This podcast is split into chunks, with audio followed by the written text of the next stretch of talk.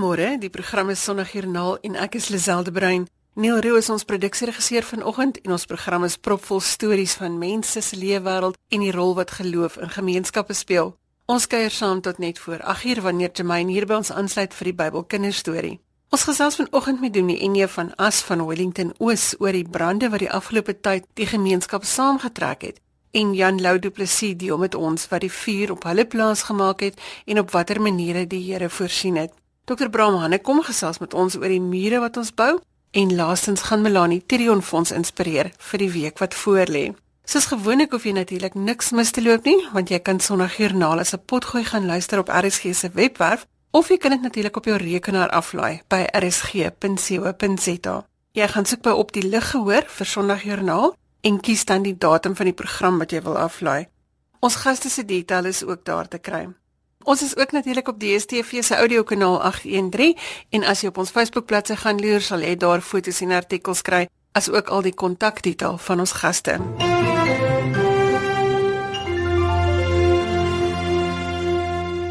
Die Boland het gebrand nie te lank gelede nie. Die media het wyd daaroor berig en vanoggend gesels ons met Donie Enje van As. Hy is van Wellington Oos en die kerk is as verspreidingspunt gebruik vir voorrade. Goeiemôre Donie van As. Goeiemôre. Hoe het dit gebeur dat julle so nou betrokke was by die brandbespruitingsaksies? Dit het eintlik op 'n baie wonderlike manier gebeur toe van die lidmate my skakel en sê hulle het nogal baie mense wat graag wil help in uh, bydraes lewer vir die brand en of hulle net ons sentrum hier by die kerk wat eintlik as 'n jeugsentrum gebruik word kan gebruik as 'n afsetpunt en 'n verspreidingspunt. En dit was natuurlik vir ons 'n voorreg om dit te kon doen om ook so as kerk betrokke te wees by die brand. So die brand was baie naby aan die gemeenskap. Vertel ons daarvan. Ja, dit was uh, baie naby van ons gemeentelede se huise is uh, bedreig deur die brand en uh, dit was nogal goed om te hoor dat vrywillige brandslaaners het gaan help, my eie kollega het gaan help om brand te slaan. Ek was nou meer hier betrokke by die verspreiding en ontvangs van goed wat gekom het. En watter tipe goeder het nou alles by die kerk aangekom en nee? Water, dit was natuurlik die grootste behoefte. Energate, bar ones en dan ook lipys in goed vir mense se oë. Op die ount het die mense gesê ons wil goed koop, maar die winkels is leeg gekoop, as niks meer beskikbaar. En uh, dan was daar natuurlik ook die behoefte aan kospakkies. Mense het ook dan uh, pastye geskenk en broodjies is gemaak. Later het die mense gesê ons wil hom net brood hê nie en toe sy inisiatief geneem en mense het ander forme van kospakkies gemaak en Ons het skenkings gekry van druiwe en van piesangs en dit is als in die kospakkies ingevoeg. Hoe moes jy as predikant instaan half vir 'n geestelike nood wat nou saam met hierdie hele ding gaan of fokus mens net eers om hierdie vuur dood te kry? Ja, ek dink uh wat eintlik hier gebeur het is eintlik 'n stuk geloof en praktyk. Uh mense dink baie keer aan kerke, die erediens waar mense bymekaar kom, maar hierso het mense net gefokus op die nood en wat elkeen kan doen en wat vir my so wonderlik was dat mense net gedoen het wat hulle kon. Party mense het gebid en party het net iets gebring. Party keer 'n paar goedjies, maar elkeen het sy goed gebring. En 'n ander een het weer gesê, "Maar ek ry die goed aan." En ander het gesê, "Ons help om 'n sekere punt te beman." En ander het weer gehelp kos maak en net broodjies sny en ander het weer georganiseer. So alles het eintlik so genetwerk en wat vir my die mooiste was hoe alles sommer net spontaan gebeur het en hoe mense eintlik geniet het wat hulle doen. Daar's 'n mooi getuienis van iemand wat gebid het dat die vuur gestuit sal word soos 'n muur en iemand wat toe kom vertel het dat die vuur letterlik gevoel het of dit vir soos 'n muur gestop het. Vertel ons daarvan. Ja, dit is nog 'n besondere getuienis. Uh, ek het dit nou gehoor toe ons die Sondag aand na die brand het ons sommer in die kerk vir mense geleentheid gegee om net te praat oor die positiwiteit wat gebeur het, oor die positiewe dinge want die brand is mos nou maar sleg. Maar toe kom dit uit dat die mense wat uh, bedreig is in hulle huis dit en van ons lidmate wat daar gaan help het, het vertel van hierdie hoë 8 tot 10 meter hoë vlamme wat aankom na die huis toe en deur die wind gedryf word. En toe vertel een persoon hoe ja, ek dink die eienaar van die huis wat gesê het hoe hierdie muur net ges, die vlamme eintlik net gestop het en soos 'n muur tot stilstand gekom het of asof hulle teen 'n muur gestop het. En daarna kom 'n vrou wat getuig wat ook van die bure wat daar bly. Sy sê Dit was juis my gebed geweest dat die vuur soos 'n muur gestuit moet word. En uh, dit laat 'n mens net beleef wat 'n kragtige uitwerking ons gebede tog het. Soms bid ons en ons dink dit gebeur nie in hier het hierdie vrou beleef dit. Dit wat sy gevra het en voor gebid het, dit het gebeur. Wat vir my absoluut uitstaan van die storie is dat die kerk die middelpunt was waarvandaan die werk gedoen is. Hulle het nie die biblioteek of die stadsaal gebel nie, maar hulle het die kerk gebel. Daar steek tog vir my iets in die feit dat die kerk die middelpunt kon word van hierdie aksie en julle lese is nie verniet familie sonder grense nie. Ja, dit was nogal wonderlik om eintlik so die die familie van die gemeenskap hier bymekaar te hê want uh, wat vir my ook opvallend was, dit was nie net ons lidmate nie, dit was die hele gemeenskap wat net betrokke was. Dit was nie saak gemaak aan wie jy is en aan watter kerk jy behoort nie, maar almal het net gehelp en almal het ge, gefokus op op dit wat hulle kan doen in om 'n bydrae te lewer. So dit was nogal eintlik wonderlik om die middelpunt van dit alles te kon wees en ook te kon hoor dat iemand van buite af sy waarneming was dat uh die kerk so goed georganiseerd was. En sê dit is tog belangrik dat die kerk nog steeds die netwerk is waar binne 'n gemeenskap funksioneer. Ja, jy weet dit was altyd vir my besonder of is vir my altyd besonder as 'n mens deur dorpe ry, vir al die klein dorpies, dan sien jy die kerk staan sentraal. Dit is die eerste ding wat jy raak sien. En ons het al vir onsself die vraag afgevra, hoe sou die dorp gewees het as die kerk nie daar was nie? En weer eens dink ek ou dalk aan 'n kerk gebou, maar die kerk is mos die mense, die gelowiges.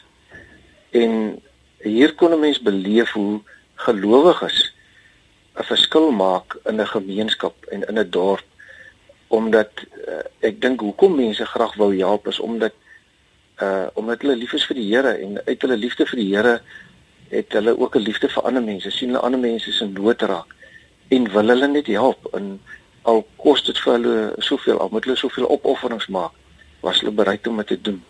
En ek dink dis wat kerk is om om te weet jy behoort aan die Here hy het vir my soveel gedoen Hy is vir my so lief. Ek kan ook vir ander mense lief wees en ek moet na ander mense omsien.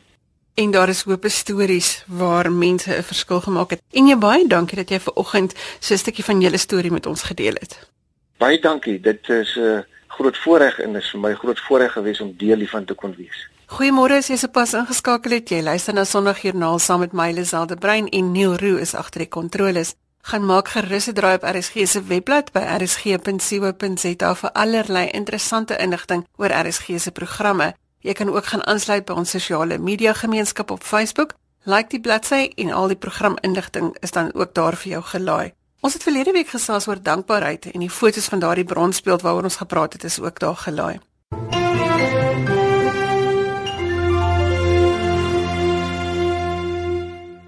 Jan Lou Du Plessis boer in die Parel en die onlangse vuur het groot skade op sy plaas aangerig. Goeiemôre Jan Lou. Môre Lisel. Jan Suid-Afrika word getuister deur 'n langdurige droogte en dan brand dit ook nou nog. Hoe het die brand jou plaas beïnvloed? Ja, Lisel, na die droogte wat wat dit reeds vir ons baie moeilik gemaak het, het ons nou die brande ervaar. Ons was ons was van die eerste gedeeltes wat gebrand het toe in die bosse begin het. Die week die week voor dit het dit vir ons um, het 'n paar keer wat hulle brand, ons vermoed maar nou brandstigting begin brand het bo in die dennebosse wat ons hom gaan doodmaak het en ons het almal gesê die hele tyd dat ehm um, sou hulle hom nou aansteek as die wind waai dat ons hom nie gaan onder beheer kan kry nie omdat die veld reeds so droog is of dit is en uh, ja 'n week later toe het die ergste gebeur die nag wat hulle toe vir ons gebel het en gesê dit brand en die wind was sterk so ons kon toe op daai stadium wel dit ons kon nie eintlik veel doen in daai sterk winde nie. Hoe het mense julle kom help om met die brand te blus? Nou wat wonderlik was is die die feit dat ons het ons eie my hoofplaas lê in Wellington ons hier daai gedeelte by wat ons baie skade het. Ons het dadelik op die op die radio, ons het 'n noodradio kanaal van die landbouvereniging en so het Parel dit ook hulle landbouvereniging en Drakensberg buurtwag. En ons het die die noodroep uitgestuur en onmiddellik het die boere gereageer en gevra waartoe en waar kan hulle help en hoe kan hulle by ons kom? En uh, baie Wellington boere het gereageer en so ook baie van die Parel boere saam met die Drakensberg plaaswag. So hulle het onmiddellik was onmiddellik op die toneel om ons te help. Jan Lou, ek kan nou nie anders as om te vra nie, wat gebeur met jou geloof as jy nou so staan en kyk hoe jou plaas afbrand? 'n Mens dink aan baie goed. Ek dink ehm um, daar gaan baie gedagtes deur jou kop. Die eerste die eerste ding is natuurlik jy hoop almal is veilig. Jy jy probeer almal veilig kry. Ons probeer so vinnig as moontlik die huise, die huise onderruim en almal veilig maak. Maar mense is kwaad, jy is moedeloos. Ehm um, jy weet jy kan nie teen die elemente beklei nie. Dit gaan rof. Jy uh, jy dink aan alles wat jy moes gedoen het of kon gedoen het. En ek ek moet jou sê hulle ja, dan ewe skielik dan kry jy half rustigheid. Ehm um, dat uh, sodra jy weet jou mense is uit die huis uit en sodra jy weet almal is veilig, dan dan bring dit al vir jou rustigheid want jy jy weet wat is belangrik. Dit is dis ongelooflik hoe die, selfbeheersing inskop wat jy net eenvoudig besef jy gaan dit kan doen aan daai blokwingers nie. Dit help nie jy skwaar daarvoor nie. Dink aan ander goedes, dink aan jou huise, dink aan die veiligheid van jou mense en sodra jy dit begin doen en ons het die ding begin bestuur, toe gaan dit al toe begin mense rustigheid kry. Hierdie geloofsgemeenskap die kerke, ons het geluister na Dominee Enie van As wat gesê het hulle het van die kerk af goeders uitgestuur. Was daar mense wat gehelp dat die vuur en die vlamme nie versprei nie? Nee, verseker. En en die oproepe, jy weet ons het ons het later my my eie broer het ehm um, hy bly in die dorp. Hy toe ook kom help weet water gebring en sulke goeders. En ek het toe later gesê jong antwoord jy die oproepe en dan dan kan ek op die radio met die mense praat. En hy toe gehelp jy weet hy die oproepe gevat en en en dis ongelooflik hoeveel mense uit die gemeenskap uit weet ken en weet jy probleme en bydra en help en bid en ehm um, net kom kyk of net kom ondersteun. En selfs die volgende dag ook na die brand jy weet hoe dit gegaan het julle dit reg gekry wat het gebeur weet dit is dit is nie die die dorp en die uh, betrokkenheid van die dorp en die bydra van die dorp en die gemeenskap was absoluut ongelooflik geweest. Ja nee, hoe lyk die pad nou vorentoe? Kan julle van die skade herstel? Ja, definitief. Van die wingerde het ons dadelik al die drywe op die grond afgesny om die om die wingerdstok te probeer het. Ons het hom goed water gegee, selfs die kojawe bome om afgesaag korter gemaak. En uh om te sien wat ons kan red en dit is nou maar tyd. Ons wil nou maar kyk wat gebeur van die ouer blokke natuurlik wat nou heeltemal te veel skade, dis sal ons nou maar uithaal en en vervang. En uh ja, dit is maar waar die groot verliese lê want jy moet nou weer hervestig. Jy het 4 jaar nie 'n inkomste uit daai blok uit nie. Ons moet al die besproeiing oor doen. Ehm um, so so dit is maar 'n tydjie. Ek dink dit gaan 'n tydjie vat om te herstel, volkome te herstel. Maar soos ek sê, ons het ons het produk verloor. Ons het wingerde verloor in Kujawes. Ons het nie huise verloor nie en ons het nie mense lewens verloor nie en daarvoor is mense altyd dankbaar. Ehm um, as ek dit as dit so gebeur so. Ja, ek dit net net die laaste ding. Ek kan net vir jou vertel dat wonderlike goed eintlik gebeur in die, in die tussentyd die Dinsdag aand na die brand het um, Dominee Jan, dis nou ons ander Dominee by by Wellington Oos, het hy ehm um, vir ons ag hy het sommer kom besoek en kom kyk hoe dit gaan en 'n gebed kom doen. En terwyl hy bid, hy sê die natuur die natuur gaan het gevat en die natuur het op sy manier nou skade gedoen, maar die natuur sal ook regmaak. En en terwyl Jan bid, toe toe breek die eerste donker weer uit Jy kry eens 'n bietjie reën op die plaas, ja, en toe reën hy nou streep streep gerenne so, maar toe toe dit toe dit begin reën en uh ja, dit is eintlik wonderlik as 'n mens as 'n mens daaraan dink dat ehm um, ja, die natuur het geneem en die natuur het sal weer gee ook. En ons bid mos nou maar nog almal dat ons hierdie droogte sal gebreek kry want dit bly maar dit bly maar 'n groot probleem nog steeds na die brande en die dinge. Maar uh, ek glo ek glo die pad vorentoe is reg. Ons is opkyk en ons glo in dan uh, dan sal ons definitief ons sal weer uitkom. Dankie Janlou, dankie dat jy 'n stukkie van jou hart en jou lewe met ons gedeel het vanoggend. Baie dankie vir julle wel en sterkte daar vir julle ook.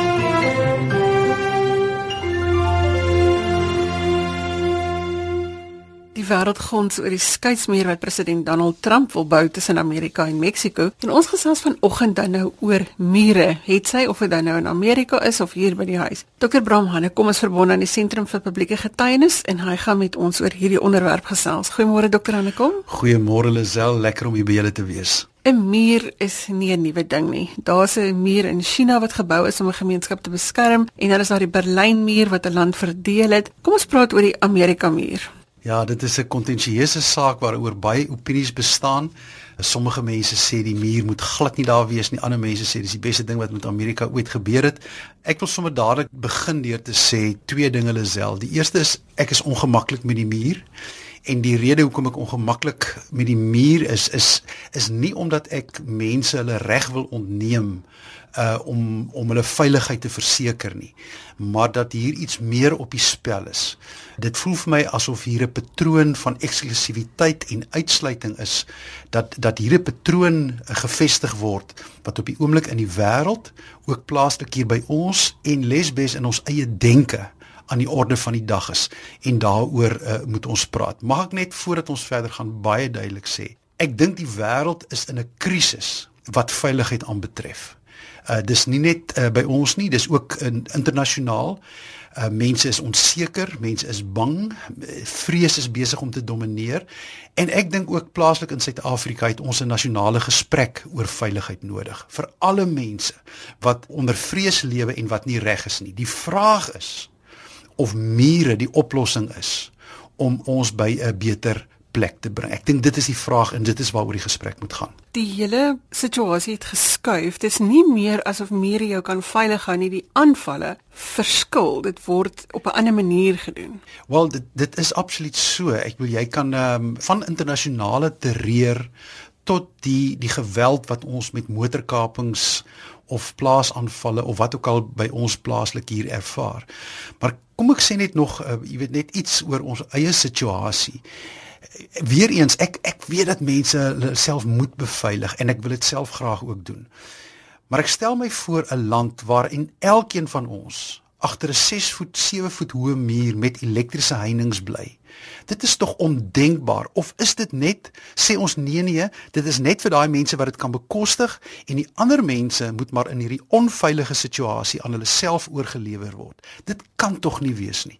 En ons sal ons sal doeteenvoudig 'n beter plan daaroor moet kry. Nou die ander ding is dat 'n muur nie noodwendig van bakstene gebou is nie, nê. Ja, Lisel, dit is hierdie hele ding van mure dink ek het 'n het 'n groter gesprek geopen en ek raak al hoe meer oortuig daarvan dat die hoogste mure wat ons bou is nie net die mure met uh, uh klip en en en elektriese heininge nie, maar is die mure wat on, in ons eie koppe bou.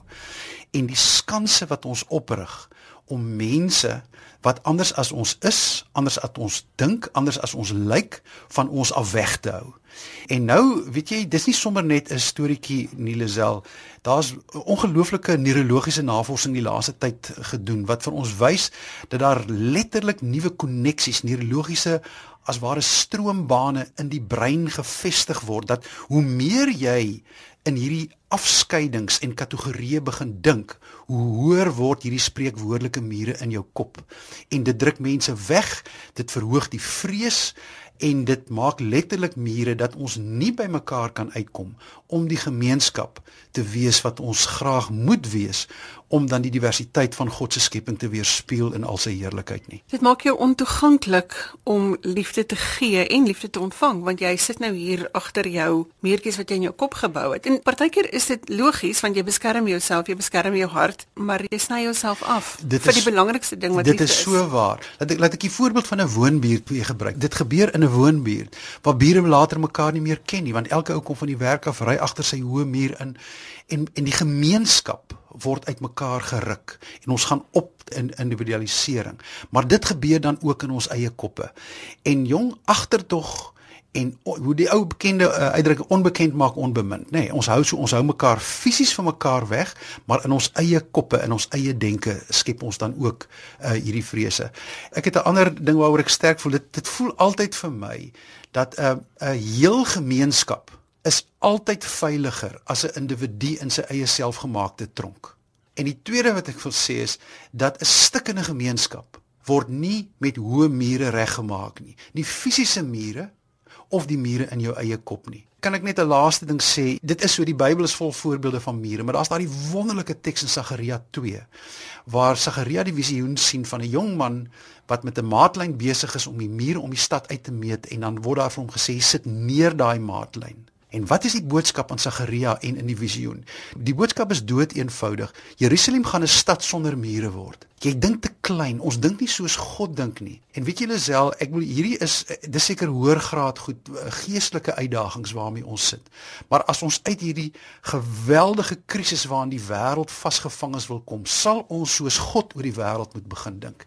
En ek wil weer sê, dit beteken nie dat ons onsself nie moet beveilig nie, maar ons kan nie daar stop nie. Ons sal verder moet dink, ons sal nuwe gesprekke moet open, soos ek sê die nasionale dialoog oor veiligheid. Ons sal na mekaar moet uitreik in plaaslike gemeenskappe, in woonbuurte, in kerke, maar ook dan gesprekke waar die waar mense wat op die oomblik op soveel maniere uitmekaar uitgehou word in ons land in veilige ruimtes bymekaar kan kom, mekaar beter kleer kan leer ken sodat die mure in ons eie koppe afgebreek kan word. Hoekom dink jy is ons so bang daarvoor om met mense te praat of om te gaan wat anders as ons dink en doen? Weet jy dit, dit dis 'n verskriklike moeilike antwoord en ek weet nie of of ek vir jou 'n klinkklare antwoord het nie. As jy vir my vinnig vra dan kom dinge by my op soos onsekerheid dan kom dinge op soos bedreigdheid. Uh, dan kom dinge uh, soos op weet sosioloë het navorsing oor hierdie ding gedoen en gesê daar's twee fundamentele vrese wat die menslike siege oor eeue in homself omgedra het. Die een is die vrees vir die vreemdeling die een wat anders is en die vrees vir die toekoms. Dis hoekom daar altyd daar was altyd ekonome en soothsayers en profete en waarsêers en kristalballesers kom 'n greep op die toekoms te probeer kry. Maar daar was altyd hierdie vrees vir die vreemdeling. Dit is hoekom van die vroegste tye af het ons mure gebou. Jy sien dit in die Bybel, jy sien dit reg deur die eeue, jy sien dit deur die middeleeue en jy sien dit ook ook vandag. So dis 'n diep psigologiese ding. Ek dink die uitdaging en nou moet jy mooi weer die Bybel gaan kyk en die Nuwe Testament en die Christus wat die, die muur van skeiding afbreek, dan kom ek net by 'n punt dat ek vir myself wil sê, maar die wonder van die evangelie is dat Christus ons wil help om hierdie vrese te oorkom, die skeiding te deurbreek, mekaar beter te leer ken en nuwe vryheid en rykdom te ervaar in die verskeidenheid wat die Here vir ons gegee het. Slotsinnetjie, Lisel, ek glo daar's 'n rede hoekom ek en jy nie in Noorwe gebore is of in Swede of waar ook. Die Here het ons hier geplaas met enorme uitdagings, maar die Here sal self ook die geleenthede en die oplossings en die krag en die wysheid te gee om dit te oorkom as ons net bereid is om te luister en nie in vreesaftigheid terug te duins uh, agter ons eie mure in nie. Bram het verwys na die navorsing wat gedoen is op die brein wat die effek van spanning op die brein bepaal. Nou hy gesels Woensdag aand 7uur met die neuroloog Dr Etienne van der Walt by die Stellenberg gemeente juis oor hierdie onderwerp. Dit beloof om 'n interessante gesprek te wees. Bram baie dankie dat ons vanoggend so 'n bietjie kon dink oor mure en ook spekuitsmure in ons kop. Dankie dat jy saamgesels het. Dankie Lisel, voorreg om by julle te wees.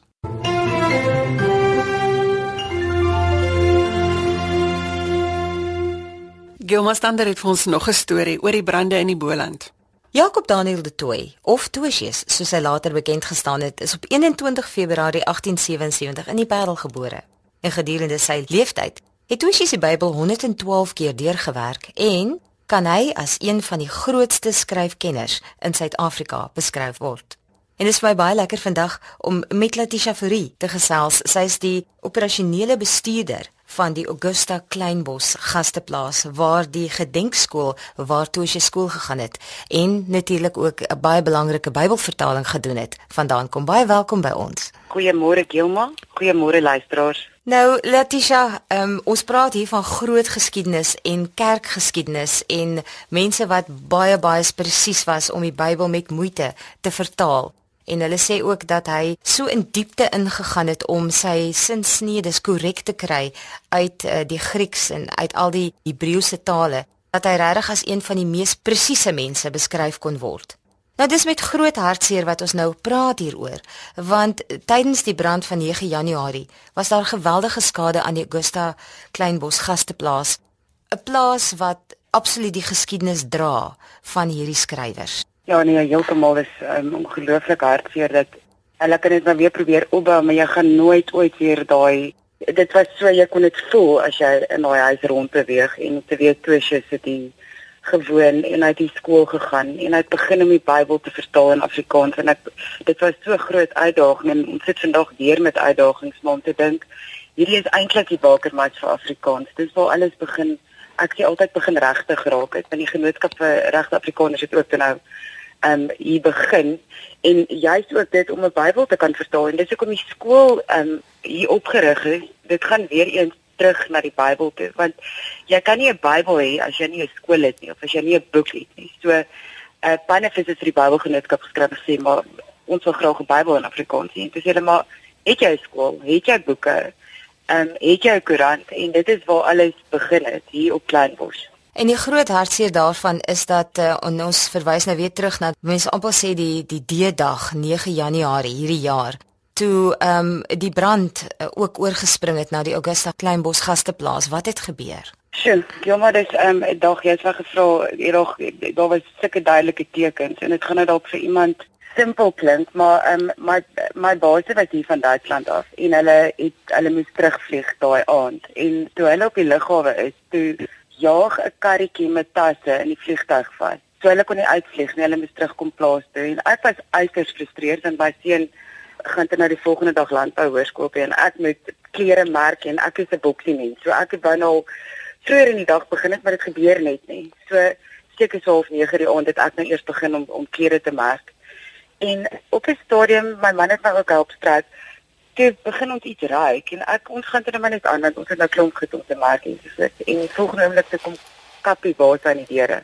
En my kollega wat ook in die toe is, hy het reeds geslaap. En ons kom ter uit en hulle sê maar daar's 'n brand en toe ry my man en my baas om te gaan kyk en soos ons gedink het die vuur gaan verbygaan, toe draai daai windstad kop, nee, en toe kom hy vir die plaas. So wat ons toe nou doen, um, ons het begin dakke nat maak uh, die restaurant en die huis en en natuurlik die hoofhuis. En weet jy dit was letterlik, ek kan nie vir jou sê nie, dit was dit, dit was so vinnig. Jy weet dit omtrent 150 km/h gewaai. So ons het eintlik nie 'n kans gehad nie, maar in my in my hart het ek gehoop ons gaan die vuur kan red. Um, en toe die kragboks in die oorkant die pad ontplof, toe besef ek hier's moeilikheid. En ek het ingegaan huis toe en wat so wonderbaarlik is, hierso is die tweede wonder, die tweede wonderwerk is ek sou nie my kind se klere gered het vir koshuis en skool vir die volgende dag as dit reeds klaar was nie. So sy goedjies het op die tafel gelê en ek al wat ek moet doen, ek moet dit net inpak en uitdra en ek het uh, ons familie Bybel gegryp. Ek het uh, my Bybel gegryp en toe ek die twee rekenaars gegryp sonder drade en ek het kantoor toe gehardloop en die kantoor se boks gegryp ook sonder drade. En ek het net na klere kas gaan staan en gedink, um, as ek nou al die klere uitdra, dan moet ek dit môre weer was. So ek gaan dit net maar los. En want ek nou vraggies die lys om al daai oor te was, oor te stryk nie. So ek los dit nou dit. En ek het 'n een skildery wat ek vir my man gevars het. Ehm um, ek het hard aan hom gewerk. Dit ek ehm um, uitgedra en 'n groot foto van die steen toe hulle dit toe ons hier die plaas aangekom het. En toe ek buite kom, ek kon nie weer terug gaan nie, dit was te laat. Dit dit, dit was letterlik dis dit verby. So ek het net die honde in die in die bus gelaai en En dis dit, en toe moet ek op my man gaan skree want hy wil toe nie luister en ophou nie. Hy wil net hy glo hy kan dit red. En my seentjie ook van 14 jaar net net op sy rug gelê en die brandvlam vasgehou om die, om die dak nat te hou. Maar weet jy daai dit was asof vier hande daar vier so op die op die dak kom neersit. Daar was daai dak was op nat, maar ons kon daar was niks wat ons verder kon doen nie. Dit ons nou maar net uitkom. Die wonder van dit alles is dat die gedenkskool het behoue gebly. Ja, weet jy, dit is dit is net ongelooflik. Dit het reg die Malherbe huis ook, het ook behou gebly. Maar die skool en nou ek tot bome by die skool, daar klomp akkerbome is baie hartseer wat wat vernietig is, maar dit het nie naby die skool gekom nie. Dit is net dit is gelooflik. Ek wil sê ongelooflik nie, maar dit het behou gebly. Nou kyk 'n mens terug en jy en jy beleef daai wonder van God se ingrype dat hy tog in sy genade daar is om die belangrike aspekte te bewaar, goed wat vir 'n mens ook sentimenteel is. Jou getuienis na so iets want daar's eintlik niks oor nie. Maar weet jy wat, ek het alles oor. Ek het ek het my kinders, ek het nie 'n kind verloor of iemand naby aan my verloor nie. Ons is almal veilig en weet jy ek glo dit is soort van 'n skoonmaakproses. God vat jou baie keer deur hierdie goed om want wat jy nie hy gaan jy nie deur iets sê wat jy nie kan hanteer nie. So ek ek glo heeltyd God het 'n plan. Hy het toegelaat maar ek die, die publiek ek dink julle kan die groot harte van hierdie parelite sien die gemammas en my jongs ons jongste seentjies in gim. Hierdie mense kyk jy al sy keer het uitgebrand maar ons het Gian en Kosa se gevat dinsdagoggend.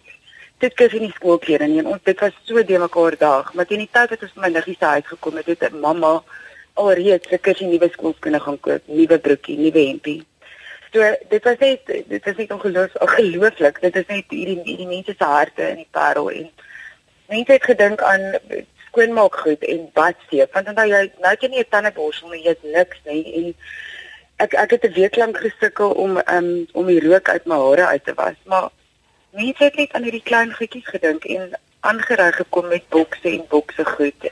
Ja, hulle harte is net so ongelooflik groot. En ek glo dis ook die positiewe boodskap wat ten spyte van vernietiging het ons hier in Suid-Afrika en eh, as gelowiges net die vermoë om op die regte tyd in te gryp en, en die Here spreek en gebruik ons om so ook mekaar se liefde aan mekaar te bewys. So baie baie dankie en seën vir julle en ek weet die Here het 'n nuwe pad vir julle. So baie dankie vir jou tyd vandag. Ag en baie dankie vir julle ook. En seëninge vorentoe. En dit was Gilma Stander oor die afbrand van die Toshies huis.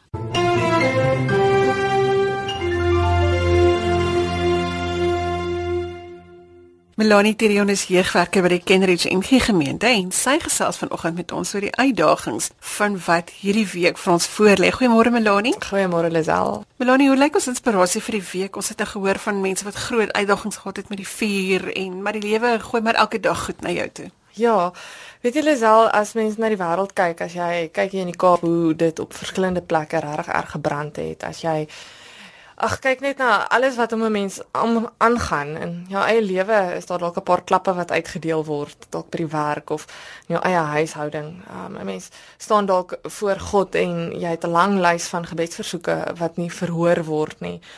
Daar's dalk in jou lewe verhoudings wat nie uitwerk nie, jou verhoudings met jou kinders of jou huweliksmaat of so. Um dan word mense geloof nogals uitgedaag. Jy weet as as alles om jou skeef loop hoe bly jy vashou aan die Here? Een ding wat ek nou al besef het, dit is jy staan in sulke tye waar die Here 'n mens bietjie kom jou boksie kom skud en jou prentjie wat jy van hom het, jou jou greep wat jy op hom probeer kry en waarmee jy die lewe ingaan, um, word baie uitgedaag wanneer 'n mens ontnigter is met dit wat om jou aangaan. Um, en dan is dit 'n tyd wat 'n mens net herbesin oor hoe werk die Here met my? Hoe werk die Here deur my? Hoe werk die Here deur ons? Nou, as jy ontnigter raak in deur die lewe en ook in jou eie geloof, het 'n mens altyd twee keuses. Jy kan jou rug draai op die Here en sê Here, ek ek wil nie meer nie. Jy stel my te leer. Jy voldoen nie aan aan dit wat ek gedink het jy aan moet moet voldoen nie en jy draai jou rug dan op die Here.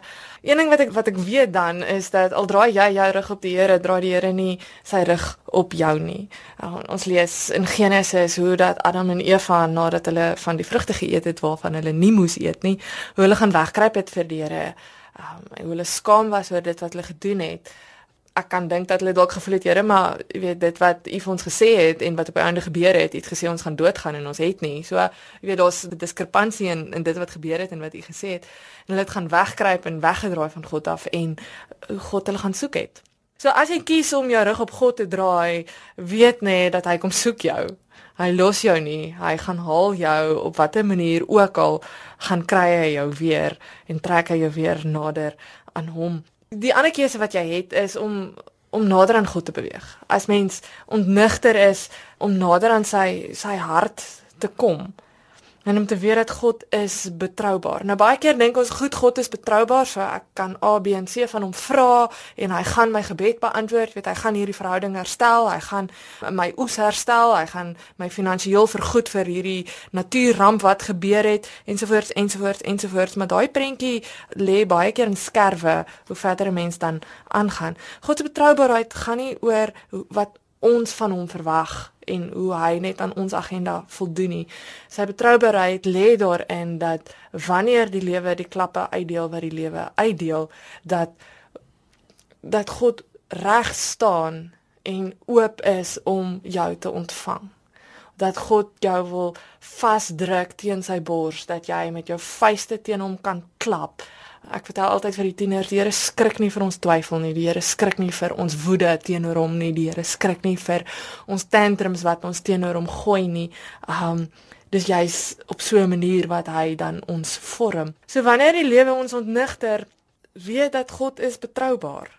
Um dat in ons magteloosheid wat ons baie keer voel, dat ons dit teenoor hom kan gaan uitpak dat ons teenoor hom kan gaan wend. Ons lees 'n hele boek van psalms wat daaroor gaan wat vir ons as inspirasie kan dien. So wanneer jou geloof uitgedaag word, wanneer die wêreld nie gaan soos wat ons wil gaan nie, het ons die keuse dra ons na mense toe en probeer ons onsself ons probleme oplos of dra ons na God toe en vertrou ons dat dit wat hy met ons doen, die plan is wat hy met ons wil wat hy met ons het, die pad wat hy met ons wil stap. Melanie, baie dankie vir daardie gedagte waarmee jy ons los vir oggend. Jy kan wegdraai, maar God sal jou kom soek. Dankie vir jou inspirasie vir hierdie week. Dankie, net 'n plesier. Ons is sommer vinnig aan die einde van vanoggend se program.